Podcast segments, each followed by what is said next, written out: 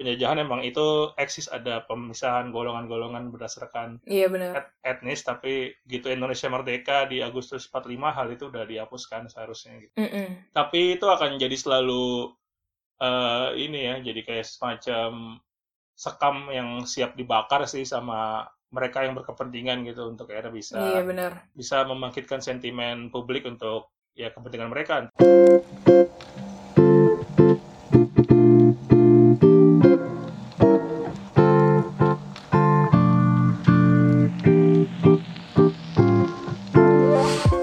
Semuanya, selamat datang di edisi spesial bulan Mei ini yaitu menolak lupa.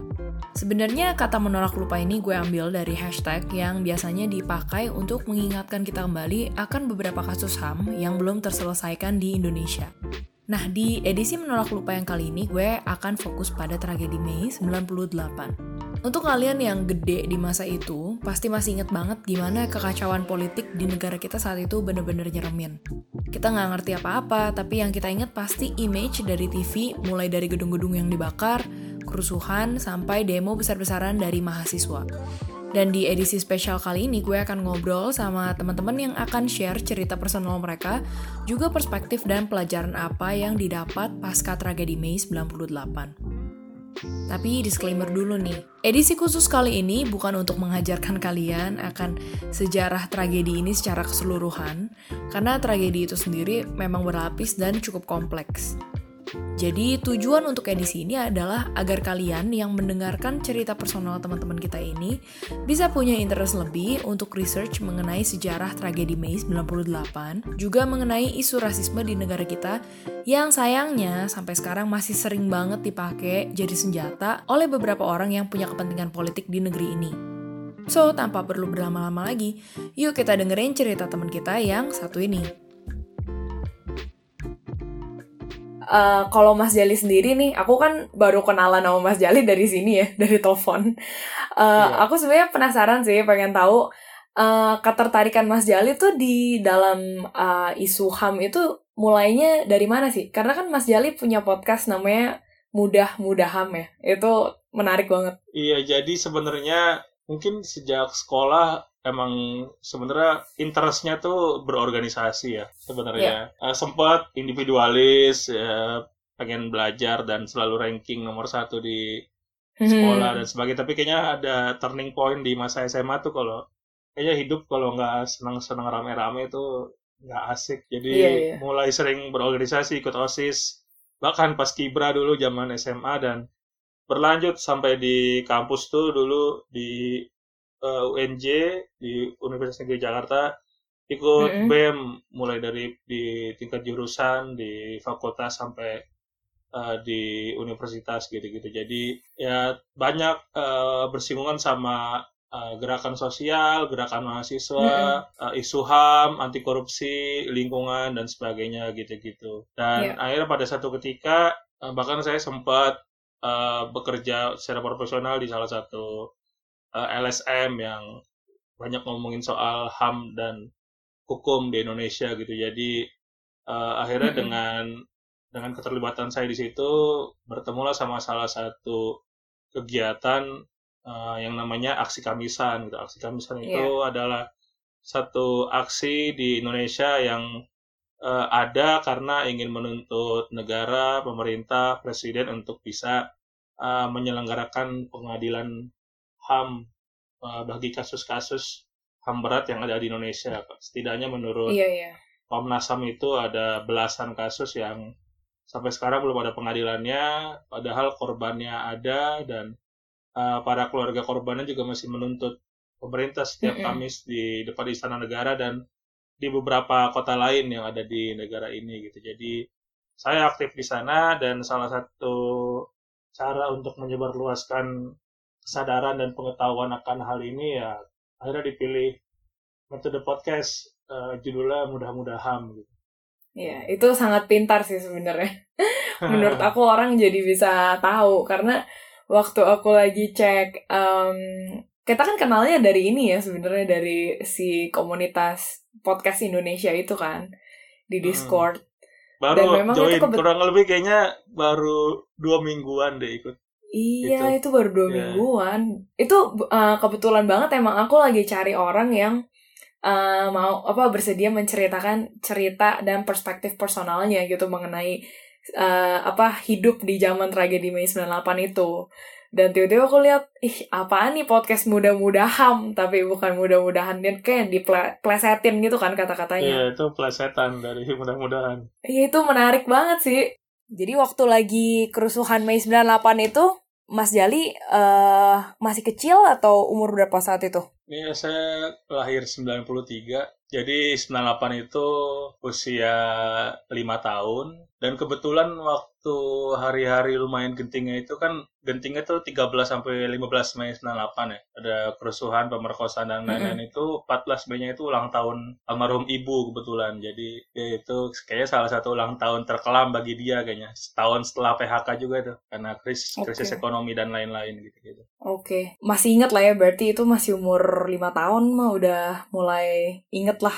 Ya rekaman atau memori visualnya sih masih beberapa Mm-mm. masih keinget sih kayak orang lalu lalang di depan gang rumah tuh dorong-dorong gerobak isinya pakaian sama ada kulkas, TV dan lain-lain. Biasanya kan kalau kita Mm-mm. lihat ada gerobak ya kalau nggak orang jualan ya ini ya para pemulung ya. Tapi di Iya, hari-hari di hari itu selama berjam-jam di siang hari itu ya orang bolak-balik dari arah mall. Jadi kebetulan juga waktu itu tinggal di Cengkareng dekat sama Mall dan Mogot. Jogja itu masih kelihatan dari rumah mallnya dan emang ada asap dan lain-lain Hmm. gitu-gitu. Terus dan kebetulan kayaknya waktu itu tetangga yang umurnya nanggung remaja gitu-gitu kayak abang-abangan komplek. Iya, iya. uh, anak-anak SMA itu ikutan ke sana dan waktu itu nenek tinggal lagi tinggal di rumah juga untuk uh, alasan keamanan nitip sesuatu juga ke mereka untuk dibawain ke gua cucunya gitu. Jadi ya itu jadi pengalaman yang menarik sih. Jadi waktu itu Mas Jali ngelihat orang yang emang bener-bener jarah cuma ikut-ikutan doang atau orang yang sengaja disuruh menjadi provokator untuk menjarah. karena jaraknya nggak benar-benar dekat kayak seberang-seberangan sama mallnya Mm-mm. itu itu bahaya malah ya kalau punya rumah cuma seberang-seberangan sama mall di hari itu ya jadinya ngelihat ya orang-orang biasa aja para tetangga yang emang lewat Mm-mm. depan rumah dorong-dorong gerobak dan isi barang itu gitu jadi waktu itu emang taunya ya ini orang-orang emang lagi kayaknya euforia kan sesuatu ambil barang karena mungkin hari itu ya orang bisa ngelakuin itu gitu nggak tahu kalau ada motif eh, provokator ada motif politik dulu Mm-mm. apa setelah baca dan sebagainya ada isu mau ada kudeta dan lain-lain ya jadinya waktu itu belum tahu sih sepolos kayak orang-orang jadi bisa punya barang mewah dalam waktu Singkat. singkat, gitu. Eh, Iya, iya, iya, iya. Dan setelah kejadian Mei 98 itu, eh, ya waktu itu kita mirip-mirip sih umurnya. Eh, pasti polos-polos juga kan, maksudnya nggak ngerti lah kenapa sih sebenarnya ini bisa terjadi. Nah, tapi setelah kejadian itu ya, em, Mas Jali ada nggak sih ngerasain ada yang berbeda gitu di dalam em, misalnya circle pertemanan lintas suku dan agama? Dan kebetulan waktu itu TK, masuknya TK Islam sih. Dan kayaknya nggak ada bedanya, kayaknya waktu itu ya. Sam- Mm-mm. Bahkan sampai SD, SMP, SMA tuh nggak terlalu kerasa ya, karena emang rata-rata saya tinggal atau punya lingkungan tuh yang homogen sebenarnya. Nggak terlalu banyak bersinggungan sama teman-teman yang multi etnis dan sebagainya. Tapi ya karena peran pendidikan jadi tahu ada sejarah dan berbagai konteksnya yang terjadi di Indonesia termasuk di Mei 98 ya jadi tahu sih kalau itu jadi momen yang benar-benar eh, genting ya buat sebagian kalangan terutama bagi eh, warga negara yang punya latar belakang sejarah sebagai etnis Tionghoa gitu Iya benar-benar. di darahnya mungkin termasuk Yunita ya waktu itu dan keluarga ya Selingan sebentar ya. Sebelum kalian lanjut ke obrolan berikutnya, ada tiga pesan singkat tapi penting banget nih untuk kalian. Yang pertama, istilah yang kita pakai di obrolan ini seperti Cina atau pribumi itu hanya sebatas contoh ilustrasi dan tidak bermaksud untuk menyudutkan pihak-pihak tertentu. Yang kedua, mohon untuk nggak sembarangan mengutip atau menyebarluaskan episode ini tanpa izin pihak yang bersangkutan. Dan yang terakhir, gue dan tamu yang ada di obrolan ini tidak mewakili institusi atau golongan mana pun. Jadi, ini sekedar berbagi cerita mengenai sebuah peristiwa. So, further research will be needed. Iya sih, waktu itu kan aku kan tinggal di gang kampung gitu. Jadi memang uh, di gang kampung itu papa aku doang yang punya bisnis di rumah. Jadi waktu lagi momen itu sih yang aku inget ya, uh, rumah aku langsung banyak coret-coretan milik pribumi sih. Karena aku nggak ngerti itu kayak... yang nyoret kan, inisiatif papa atau emang orang yang nyoret-nyoret? Haji deket rumah, bantuin kita. Oh Iya, iya. Jadi iya. kata papa mama, jadi kita tuh kasarnya Cina sendiri di situ. Dan memang uh, untungnya berbaur ya, pap berbaur sama warga sekitar gitu. Iya, memang berbaur. Jadi sebenarnya kalau kata papaku itu sebelum Mei 98 ya apa ya, nggak ada bed nggak udah ada sih kayak isu sara gitu-gitu, tapi nggak yang separah setelah Mei 98 sih jadi memang papaku memang orangnya ya berbaur-berbaur aja ya, bodoh amat gitu. Nah, cuma pas lagi udah mulai ada desas-desus kayak, wah ini bakal kerusuhan nih, maksudnya kasarnya Cina-Cina bakal diabisin gitu kan. Langsung lah berapa hari sebelumnya itu pabrik rumah papaku ditulisin milik pribumi gitu. Uh, ya itulah kita selamatnya karena dibantu tetangga sih itu beruntung banget sih kalau nggak kayaknya udah kena jarah juga deh. Ya emang salah satu siasat di hari itu ya entah masang sejadah di depan rumah atau ya pakai pilok itu ya milik pribumi. Iya bener. Terus aku sebenarnya penasaran sih, Mas Jali akhirnya bener-bener baru bisa meresapi apa yang terjadi itu pas kira-kira umur berapa? Persisnya sih kayaknya setelah bergelut sama ini sama isu HAM, mm -mm. sejarah dan sebagainya gitu-gitu karena terlibat di beberapa gerakan sosial juga. Jadi bagi teman-teman yang ngalamin kuliah di PTN-PTN atau ya kampus-kampus di Indonesia pasti kalau masuk kuliah tuh uh, pada saat masa ospek pasti dijelasin betapa heroiknya tahun 98 karena jadi jadi momentum peralihan dari eranya Soeharto dan Orde Baru jadi mm -hmm. reformasi itu jadi eh jadi kisah sukses dan kisah harum mahasiswa gitu. Jadi uh, cerita-cerita okay. itu akan diangkat tapi hanya sebatas uh, di penggulingan rezimnya aja gitu. Tapi gak banyak bahas soal tragedi kemanusiaannya.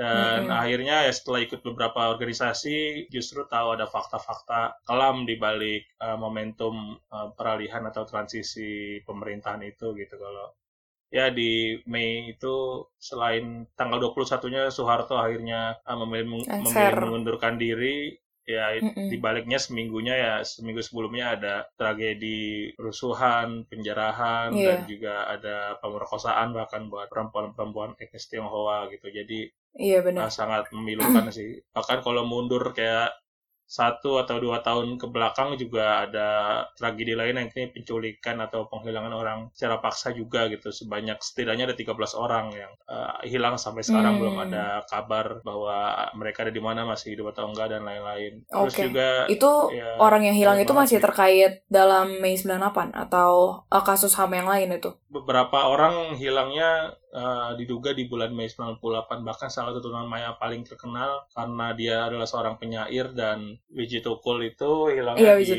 diduga hilang di Jakarta pada saat Mei 98 gitu. Hmm. Ya, uh, begitu kelam sebenarnya sih momentum 98 dan hmm. ya setelah jadi mahasiswa dan banyak uh, ikut forum diskusi, organisasi dan lain-lain jadi semakin tahu dan paham ada konteks apa di balik itu gitu. Iya iya bener sih. Kalau misalnya kita mau flashback lagi gitu, sebenarnya bukan cuma etnis minoritas aja yang kena ya, tapi sebenarnya ya seluruh rakyat Indonesia sih menurut aku.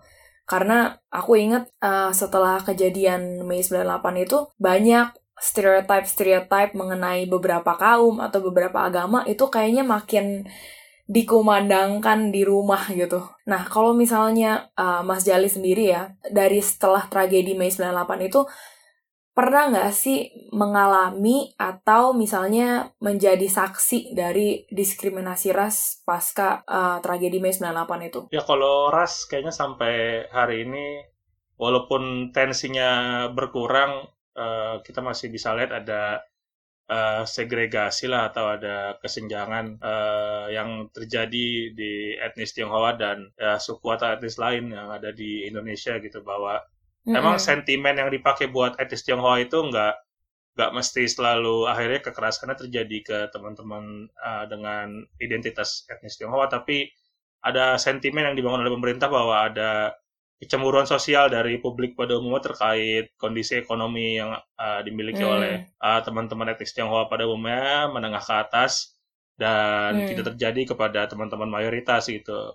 Uh, itu yeah, sering yeah. dibangun sih sentimen itu sampai kapan pun uh, dan kalau salah satu momen yang besar juga terjadi kan di pemilihan gubernur DKI Jakarta 2017 ya.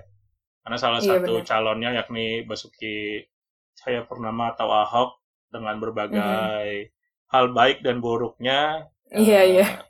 Dia mencalonkan diri menjadi gubernur dan karena dia etnis Tionghoa, orang asli dari Bangka, Belitung ya, diungkap lah akhirnya. Dan, dan akhirnya isu-isu itu semakin memanas di 2017 bahkan kan Anies Baswedan pada saat pidato kemenangannya juga beberapa kali mengungkap kata pribumi gitu karena yeah. sebenarnya ya ya Indonesia ini kan dengan berbagai latar belakang banyak suku bangsa dan sebagainya ya mm. bahkan semboyannya aja Bhinneka Tunggal Ika ya bahkan secara hukum juga udah dihapus kan uh, terminologi golongan gitu karena dulu yeah. sebenarnya waktu zaman Hindia Belanda atau penjajahan emang itu eksis ada pemisahan golongan-golongan berdasarkan iya, benar. Et etnis tapi gitu Indonesia merdeka di Agustus 45 hal itu udah dihapuskan seharusnya gitu. Mm -mm. Tapi itu akan jadi selalu uh, ini ya jadi kayak semacam sekam yang siap dibakar sih sama mereka yang berkepentingan gitu untuk akhirnya bisa iya, benar. bisa membangkitkan sentimen publik untuk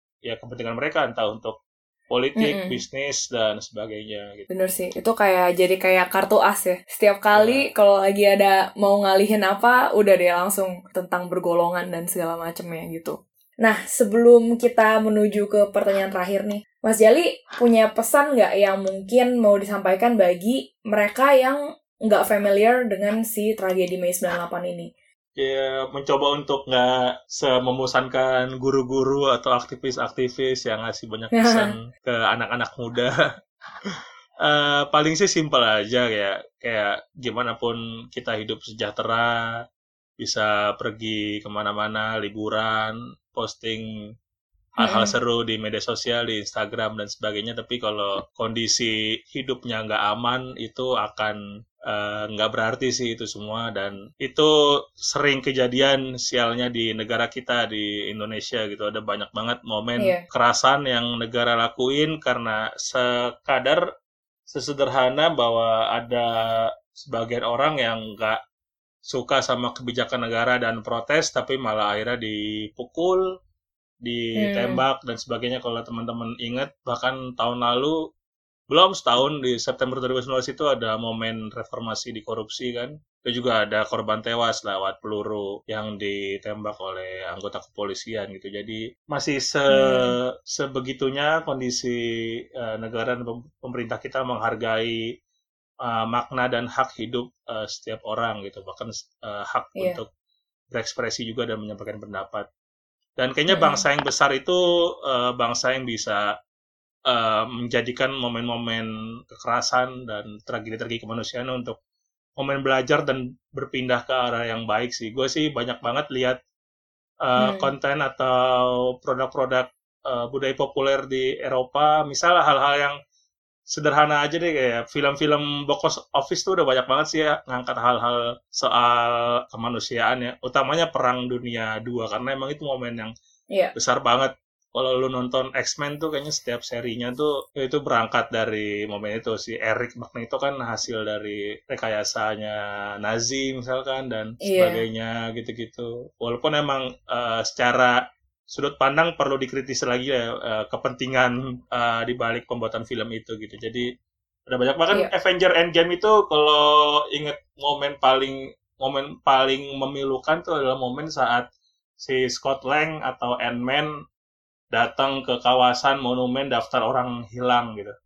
Mm-hmm. Karena ulah ulah Thanos. Jadi bahkan dia melihat ada monumen atas namanya sendiri karena ada waktu dia selamat kan karena metode kuantum di alatnya dia jadi berpindah ke uh, dimensi lain tapi ya dia bisa balik lagi gitu jadi hmm. uh, kita bisa lihat gimana bangsa besar tuh uh, menghargai uh, kehidupan manusia yang hidup di negaranya gitu jadi uh, itu sih poin-poin yang akhirnya bisa jadi pijakan bagi kita nih untuk belajar jadi bangsa yang lebih baik ke depannya. Semoga ya. Amin. Dan kalau episode yang direkomendasiin untuk anak-anak yang mau mengetahui lebih tentang tragedi Mei 98 itu ada di uh, episode podcast mudah-mudahan juga kan ya, salah satunya. Ada, itu uh, waktu itu bikin obrolan sama salah satu penyintas tragedinya. Jadi uh, daftar orang hilang itu banyak uh, aktivis mahasiswa yang terafiliasi sama salah satu parpol di hari itu yakni PRD atau Partai Demokratik dan mm -hmm. ada satu kawan perempuan namanya Dita Caturani itu punya kenalan dan uh, hilang gitu jadi dia menceritakan momen-momen itu dan momen-momen uh, kerusuhan serta momen uh, pemerkosaan terhadap Tionghoa gitu karena waktu itu konteksnya lagi banyak yeah. bahas soal people power jadi waktu itu apakah akan ada momen people power lagi dan sebagainya yeah. gitu gitu jadi menarik untuk uh, lihat obrolan bareng Dita Jaturani seorang feminis dan juga aktivis yang cukup terkemuka di uh, Indonesia per hari ini gitu. Tapi kalau yang paling rame justru karena emang mau mengkontekskan HAM uh, nggak melulu soal kasus HAM berat ya. Paling rame justru ngomongin ganja sih. Jadi kita oh. punya satu punya satu episode ngomongin ngomongin ganja juga karena kontroversial soal masa pemakai ganja harus dikriminalisasi uh, gitu. Oh uh, iya, legalisasi lain -lain. ganja ya soalnya. Itu juga semoga bisa tercapai dalam waktu dekat.